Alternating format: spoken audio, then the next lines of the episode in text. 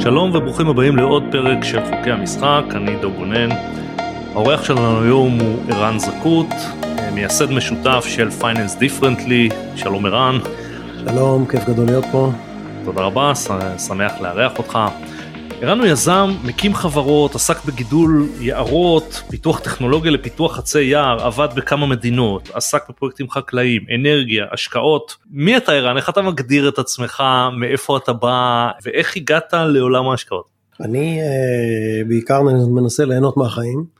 הכי חשוב. הדבר הכי חשוב בעיניי, הכי כן, חשוב. מגדל אה, את הילדים שלי, שזה באמת הכי חשוב, ואני יזם, כל חיי הייתי יזם. 30 שנה של אה, יזמויות כאלה ואחרות, כל פעם איזה רעיון אחר שמנסים לקדם ולדחוף אותו, בדגש על לנסות לעשות טוב קצת לסביבה, לאנשים סביבי, בכלל לעולם וכן הלאה. ממה ו- התחלת? התחלתי דווקא בתחום המסחר במוצרי צריכה, early 90's פה בארץ, אה, התעסקתי הרבה מאוד בהבאה של כל מיני מותגים בינלאומיים לפה לישראל, הייתי חלוץ בתחום של ה-private label programs אה, פה בישראל, הבאנו את כל הרעיון הזה עם עוד שותף, ומשם התפתחתי, אה, היה לי סטארט-אפ בשנות ה-90 העליזות של ה...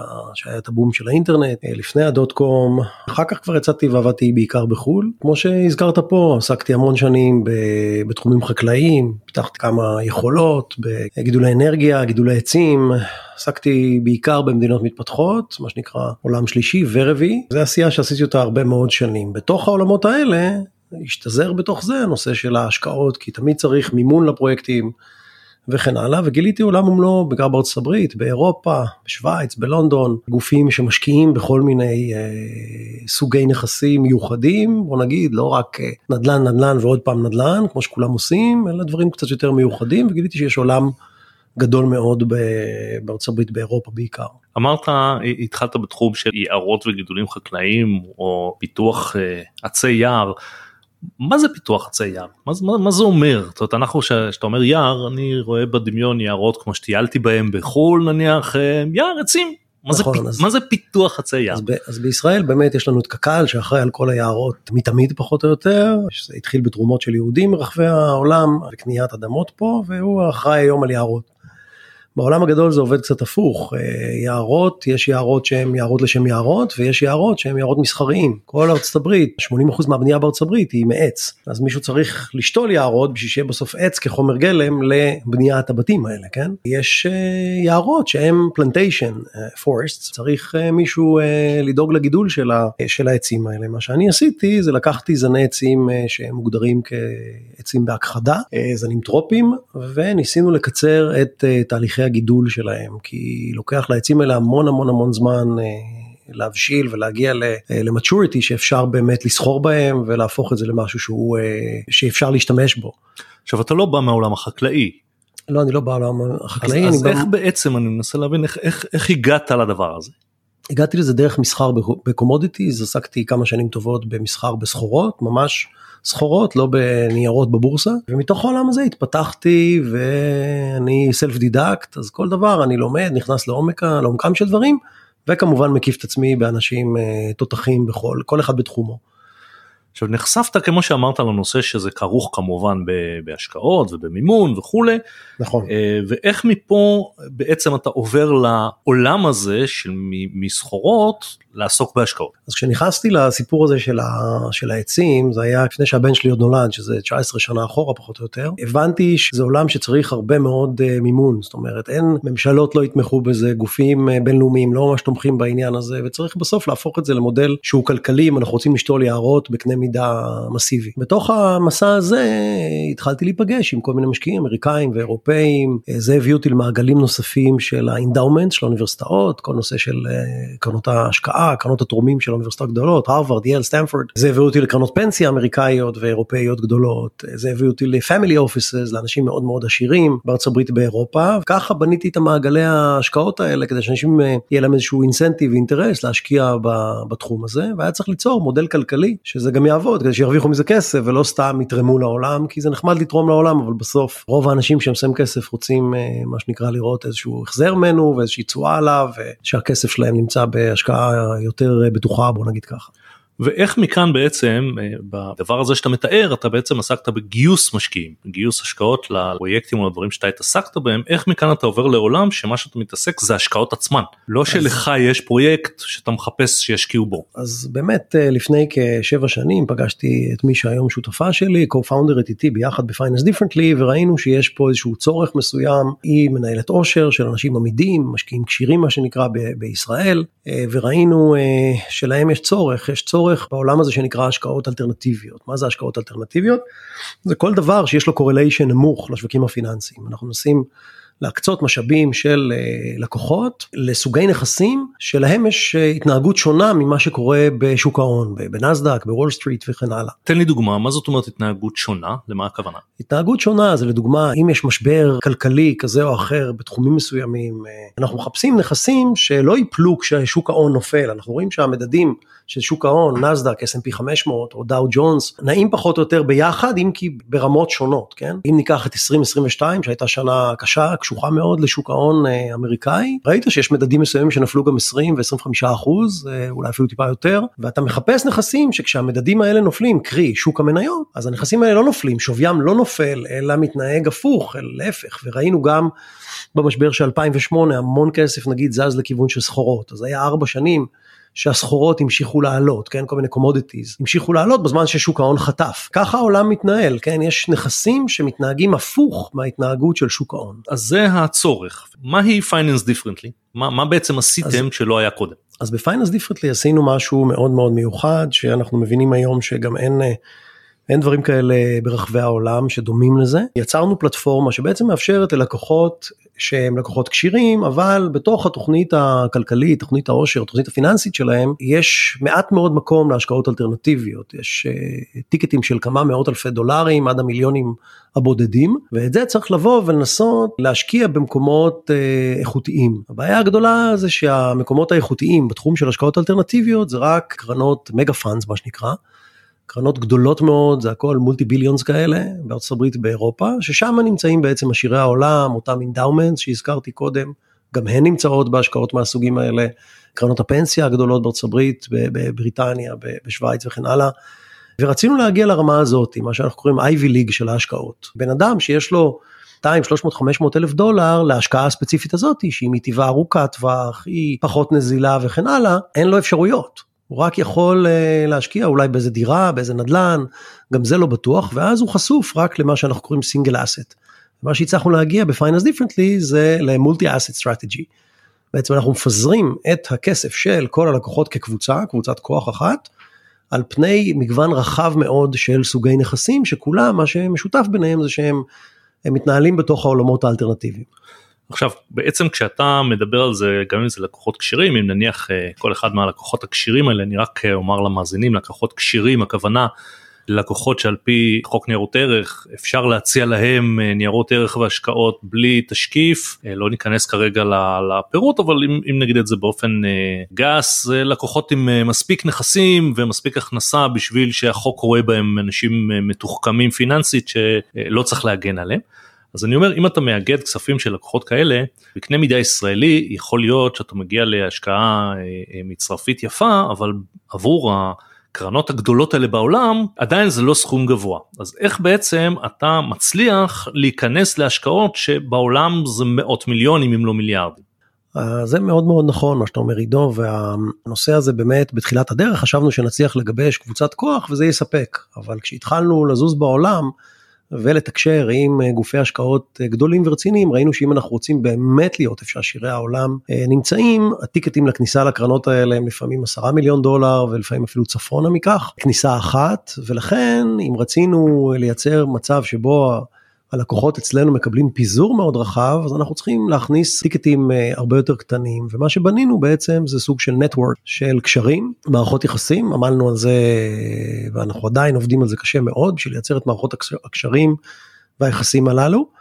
ומערכות הקשרים והיחסים הללו בעצם מאפשרות לנו את ההזדמנויות, את, ה, את אותן קרנות שכשהן נמצאות בתהליכי גיוס כסף ממשקיעים מוסדיים ענקיים, אז אה, נותנים לנו איזושהי קריאת כיוון ואומרים, בואו אתם יכולים להיכנס אתם הצנועים פה מישראל עם הכמה, עם הכמה גרושים שלנו והצלחנו להגיע להישגים לא מבוטלים בתחום הזה, ואנחנו כל הזמן בוחנים עוד אפשרויות השקעה, כל האפשרויות השקעה עוברות תהליכי בדיקות נאותות מאוד. כן, נגיע עוד מעט לתהליכים, okay. אבל בעצם אני רוצה לשאול, כשהתחלתם, בתחילת הקמת הדבר הזה, איך זה מתחיל? כי אתה מגיע לתחום הזה, אתה מזהה את הצורך, אתה מגייס נאמר את הלקוחות, אבל אני מניח שאותן אה, קרנות גדולות או השקעות גדולות של, אה, של המאות מיליונים עדיין לא פתוחות בפניך.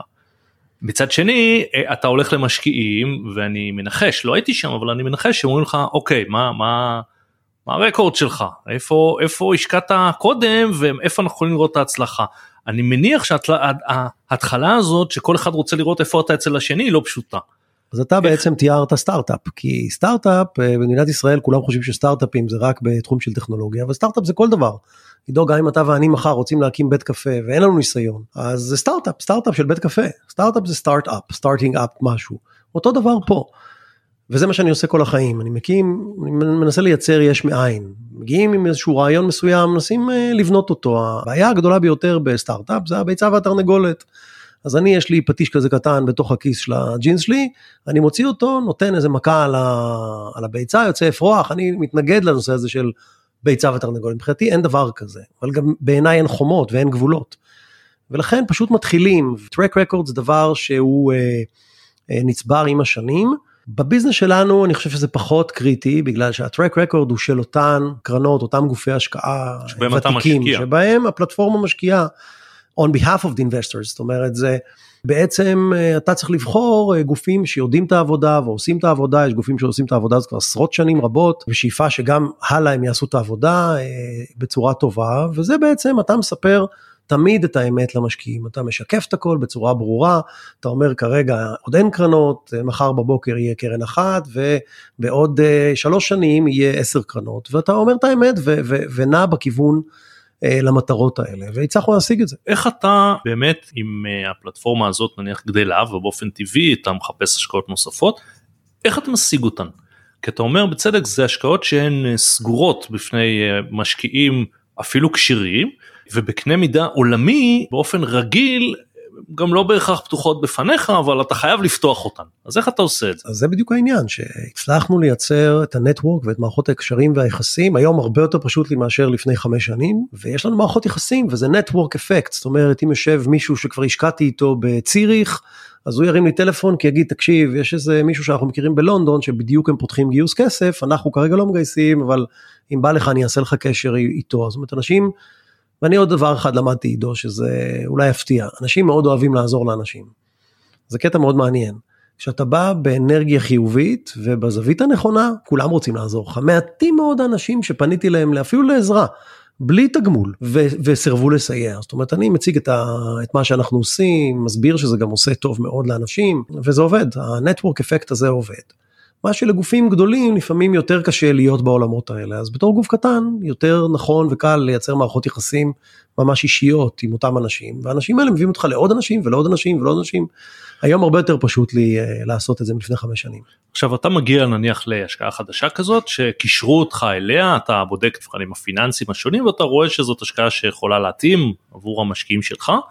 איך אתה בעצם בודק אותה, כי אתה הרי לא מכיר אותה לפני, מעבר לבדיקה פיננסית אה, יחסית פשוטה, אתה מחליט להתקדם, איך אתה בודק אותה בשביל לדעת כשיש לך אחריות למשקיעים שלך אם אתה מתקדם עם זה או לא. אז אני בחרתי, בג... יש כל מיני גישות להקים סטארט-אפים, אני בחרתי בגישה שאומרת שאני עובד עם מה שנקרא service providers, אני עובד עם מספר נותני שירותים מאוד מאוד אה, איכותיים בעיניי, חושב שיש היום על הפרויקט הזה בטח בין 20 ל-25 איש עובדים אה, כל הזמן איכשהו על הפרויקט הזה ובצורה הזאת אני מקבל את הטוב מכולם אז אם יש לי עורכי דין איכותיים אז אני יודע שעורכי הדין יודעים לשבת ולבחון מסמכים משפטיים ולקרוא תשקיפים לעומק אה, ולהציף בעיות אם יש ולהרים דגלים אדומים שזה אלה הדברים שבאמת קריטיים וחשובים לנו. יש יועצים שיודעים לבחון קרנות מסוגים שונים אם זה בתחום ההון סיכון יש צוותים שיודעים לעשות הון סיכון אם זה בתחום ה private equity צוותים שיודעים לעשות private equity וכן הלאה וכן הלאה.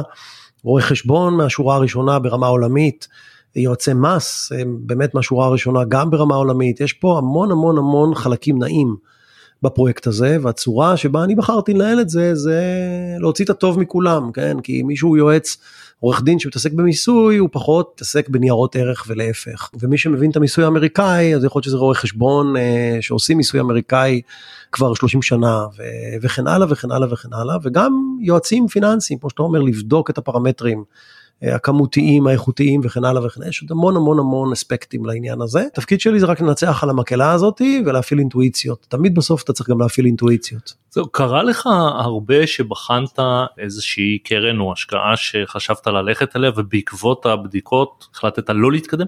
כן, קרה לנו הרבה, אני חושב שקראנו עשרות אם לא מאות אה, תשקיפים כבר בשש שנים האחרונות. ונכנסנו לכמה עשרות בודדים של עשרות בודדות של, של השקעות. אז מטבע הדברים פסלנו גם דברים אה, בדרך, לפעמים זה אינטואיציה, לפעמים יש איזה דגל אדום שעולה, מספיק שמישהו מהצוות של ההשקעות, יש ועדת השקעות מסודרת וזה אומר, פחות אני מרגיש בנוח עם זה בשביל שזה ירד מה, מהשולחן, אנחנו מעוניינים שכולם ירגישו בנוח עם ההשקעה הזאתי, כי כל אחד בא מדיסציפלינה שונה. אז, אז אם אתה מדבר על דגלים אדומים, אז בעצם אה, אני אקח דוגמה לשני דברים. יש אה, דברים משהשקעה או, או קרן מסוימת אה, שבה אתה שוקל השקעה בנויה אה, נאמר לא מספיק נכון או באופן רשלני ועד חלילה מרמה. איך בעצם אתה מגיע לבדוק את זה, מה שאתה יכול, יש דברים שאתה כמובן לא יכול, כדי לראות אם הגיוני להתקדם פה או לא, והאם היה לך בעצם איזה למידה במשך השנים, או שזאת מתודולוגיה שרוב המשקיעים אה, מקצועיים כמוך עושים אותה, וכולם עושים פחות או יותר את אותם דברים. אז אני אגיד לך ככה, קודם כל אני מאוד uh, מאמין בגישה שמכל מלמדי השכלתי, כן, זו הסיבה שעטפתי את עצמי במיטב נותני השירותים והיועצים, וכולם באמת קומיטד לפרויקט הזה.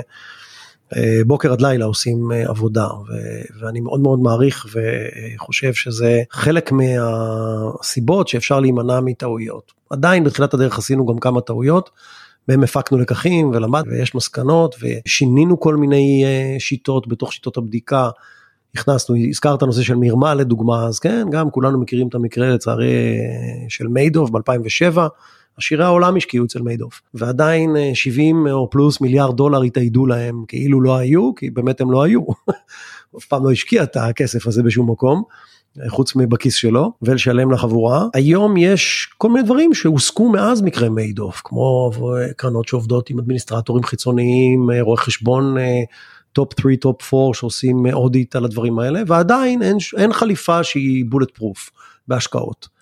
אז בנושא של מרמה אני יכול להגיד לך שאם כבר קורית איזושהי מרמה אז לרוב הרבה מאוד גופים אה, מוסדיים אמריקאים וכן הלאה כולם שם בתוך הביצה הזאת וכולם נופלים באותה פינה כי מאוד קשה לצפות מרמה כמה שנים לפניה.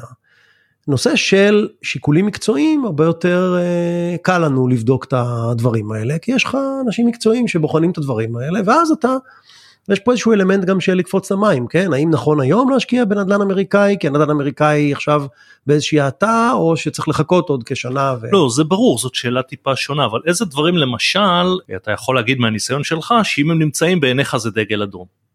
אז כל מיני, בעיקר, אנחנו עוסקים בעולם של קרנות, קרנות מנוהלות פי רוב על ידי קבוצת ניהול, כן? יש קבוצת ניהול שהם השותפים, מה שנקרא General Partner, זה נכון בארצות הברית, נכון באירופה, נכון גם פה בישראל.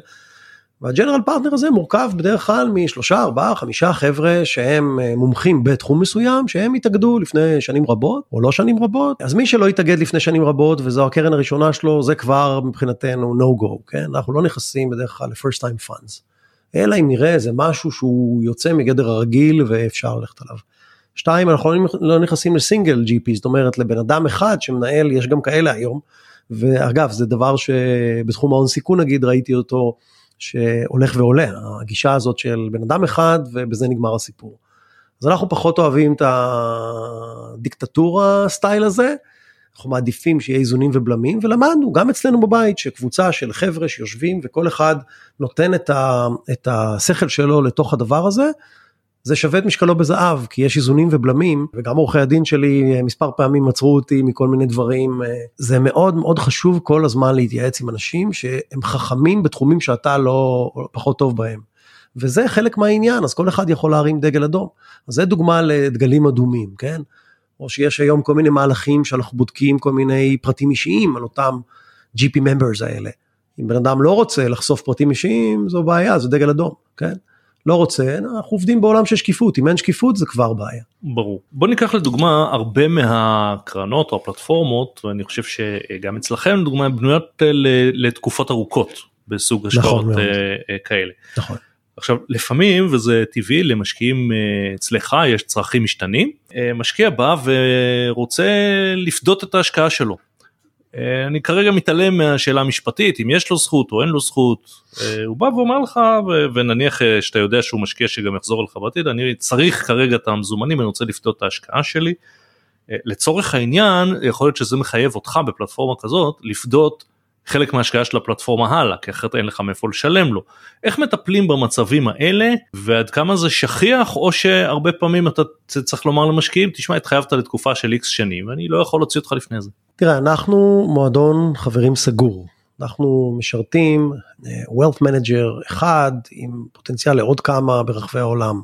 כשאלינו מגיעים המשקיעים הכשירים האלה זה אחרי שיש להם תוכנית ומשנה סדורה לסך כל הנכסים שלהם ואנחנו יודעים שאיזשהו סלייס מעוגת הנכסים הוא עובר להשקעות ארוכות טווח. יש להם עוד המון המון מקורות שכסף שהם נזילים השקעות שהן נזילות ולכן משקיעים לפחות אצלנו בפלטפורמה אולי בקרנות אחרות אני לא יודע אבל בפלטפורמה שלנו פחות צריכים uh, למשוך את הכסף כל שני וחמישי אלא הם יודעים מראש שזו השקעת טווח ארוך גם בפן המשפטי כמובן מבהירים להם זה אחד הדברים הכי חשובים להבהיר ללקוחות היה וקרתה איזושהי קטסטרופה רק בעניין של קטסטרופה ומישהו צריך את הכסף או משהו כזה אז מנסים לפעול ולמצוא מישהו שייכנס בנעליו. אנחנו בתור פלטפורמה משפטית אנחנו לא יכולים לשחרר לו את הכספים מפני שאז אנחנו צריכים לשחרר לכל הלקוחות הכספים יש חוקים אה, לפלטפורמה. ובמבנה סגור, צריך מישהו שיקנה את ההשקעה שלו. נכון, מה שנקרא סקנדרי, זאת אומרת צריך מישהו שיש לו עניין לקנות את ההשקעה שלך, אתה נמצא עכשיו ב-200 אלף דולר בתוך ההשקעה, whatever, אה, מישהו יכול לבוא ולהציע לך ואנחנו לא קשורים לזה, אנחנו יכולים אולי לחבר בין האנשים האלה, אבל אנחנו לא נגועים בשום צורה ודבר ועניין. מחברים ביניהם, ההוא מציע לו ל-200 אלף דולר שלו 210 או 190 או whatever, אם הוא מסכים אז זו הצעה וקבלה שלה והוא יכול למכור לו את ה... אנחנו לא נתנגד למכירה כזאת כל עוד זה שקונה הוא גם כשיר והוא גם בסדר ועבר את כל בדיקות של הלבנות הון וכל מה שצריך היום מבחינה רגולטורית כמובן ויש מבנים שהם מבנים פתוחים. מבנים פתוחים אתה יכול יש לך את הזכות פדיון ברמה המשפטית על פי על פי איזשהם חוקים מסוימים. אה, ההבדל הגדול בין מבנה פתוח למבנה סגור זה בעיקר בסוג הנכסים שאתה משקיע בהם. במבנה פתוח אנחנו נשקיע בנכסים שהם יותר נזילים מטבע הדברים כדי שנוכל לשחרר את הבן אדם. במבנה סגור אנחנו משקיעים ממילא בנכסים שהם ארוכי טווח ומסתכלים באופק של 7 שנים, 5 שנים אה, או יותר, ממוצע של 7 שנים. ואז הבן צריך לדעת שזו התקופה שלו.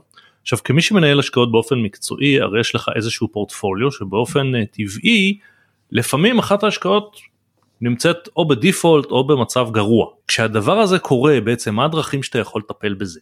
אז גם פה הנושא של ה secondary עובד אה, לא מזמן בדיוק מכרנו איזושהי השקעה ב secondary market כן. החלטנו לצאת מההשקעה הזאת ניתן לבוא ולממש השקעה שלנו אין את הזכות המשפטית מול הקרן האמריקאית או האירופאית לנו אין את הזכות המשפטית אבל אני חושב שמפה והלאה היא תעשה אולי פחות טוב ופחות אנחנו רוצים להיות בה. ניתן למכור אותה ב secondary יש קרנות בעולם שזה גם תחום ההתמחות שלהם שהן קונות secondaries ואז נכנסים למשא ומתן ויוצאים מהפוזיציה הזאת. אני יכול להגיד לך אבל שבשיטת העבודה שלנו שהיא פיזור מאוד מאוד מאוד רחב מאוד רחב.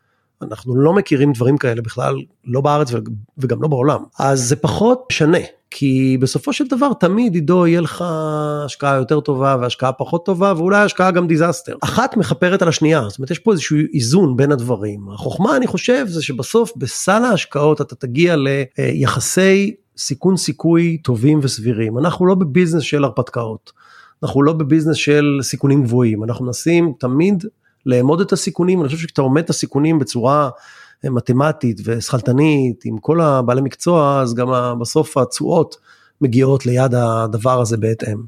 עכשיו כמו שאתה אומר זה כבר כמה שנים שאתה אה, מנהל פלטפורמה כזאת של אה, השקעות לטווח ארוך ובסיכונים אה, נאמר אה, לא מאוד גבוהים והנה מגיע המצב הכלכלי העולמי הנוכחי בעולם ובישראל מה זה עושה לכם מה, מה ההשפעות של זה ומה זה אומר מבחינתך ביום יום שאתה צריך לשנות או להגיב.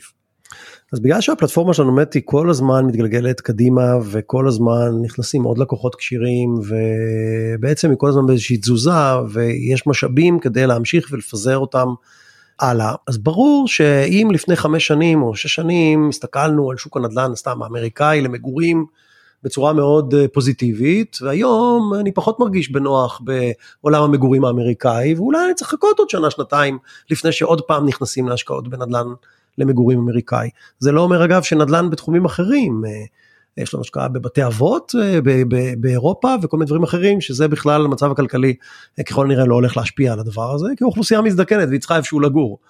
וגם יש שטוענים אגב שיש מחסור בדירות בארצות הברית וזה לא הולך להאט אם כי אני כן רואה איזושהי ירידה במחירים בארצות הברית בתחום הזה.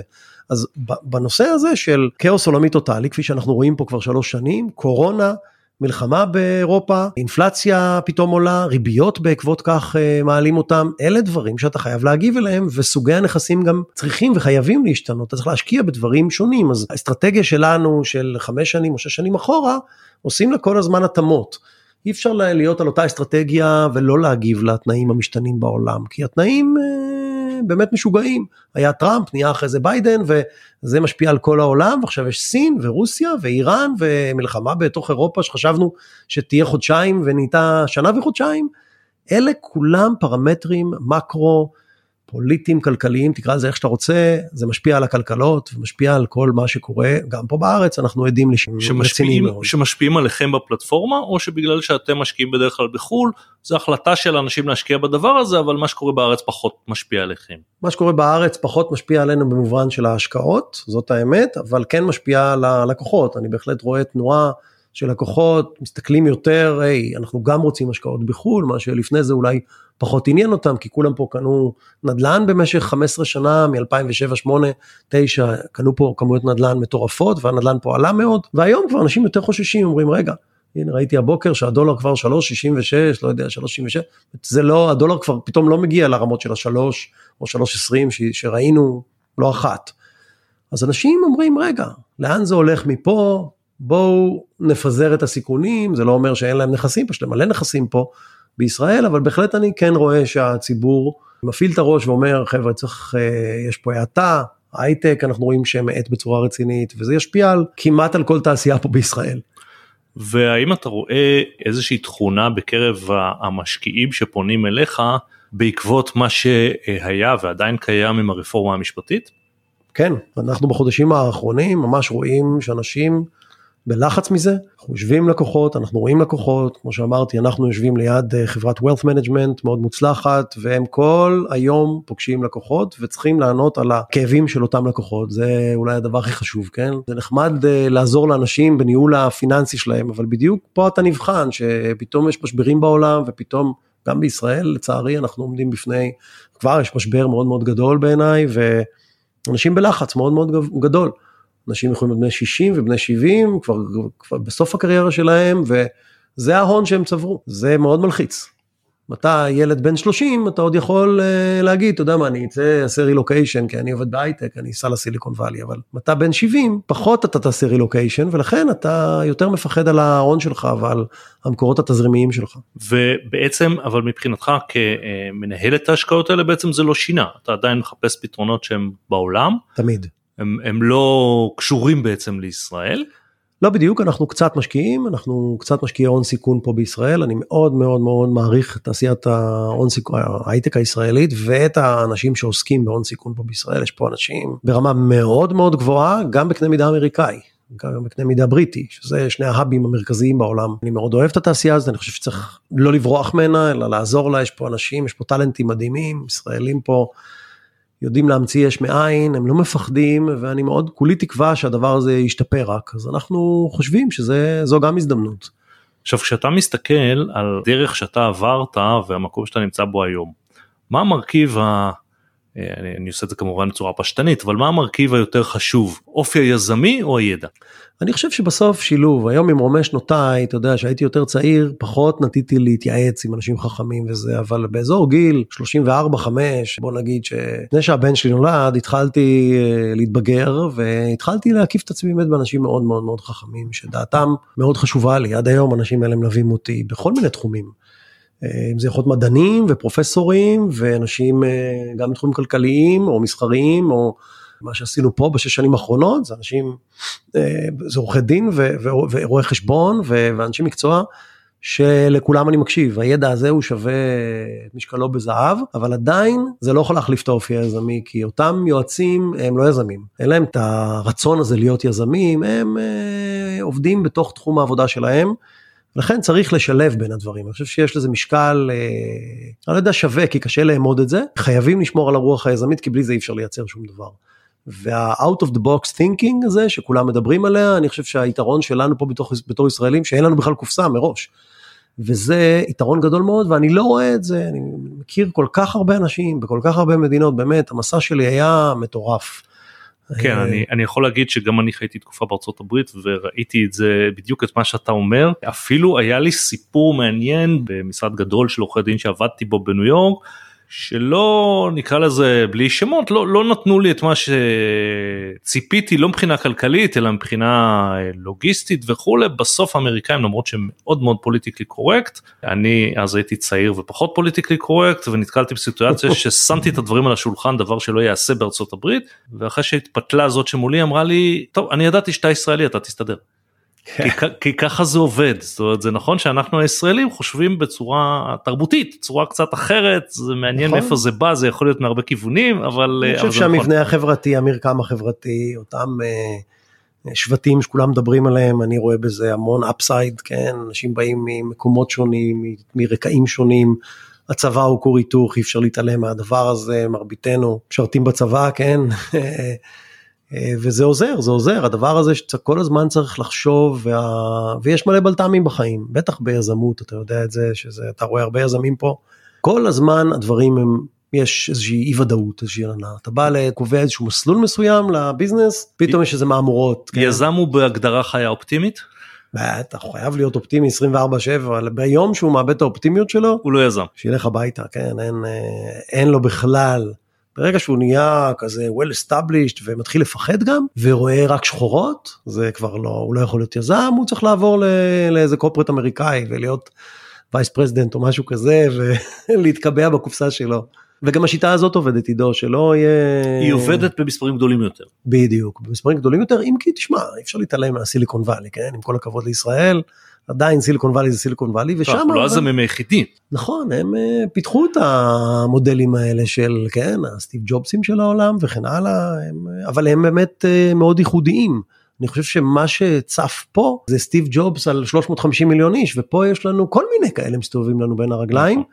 יש לנו פה 20-30 אלף טאלנטים לדעתי במדינת ישראל. גם יודעים לכתוב קוד וגם זה וסביבם יש כל מיני יזמים כאלה שיודעים לדחוף את הדברים זו כמות אדירה בשביל מדינה כזו קטנה. וזה נדיר הדבר הזה.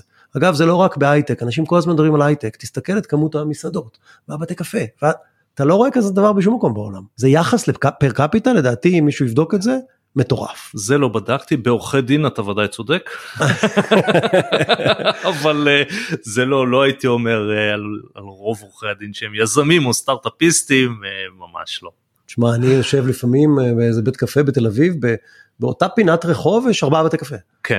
על הפינה. נכון. מטורף. עכשיו אתה הולך בארצות הברית אתה לא רואה את הדברים האלה בצורה הזאתי.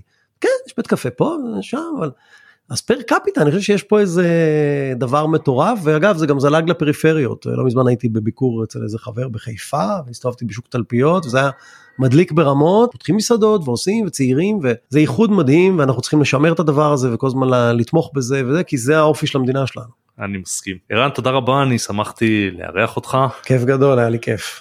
אה, עד כאן אה, עוד פרק של חוקי המשחק אה, תוכלו למצוא אותי כמובן בפייסבוק לינקדאין וכמובן בגולדפורם. תודה.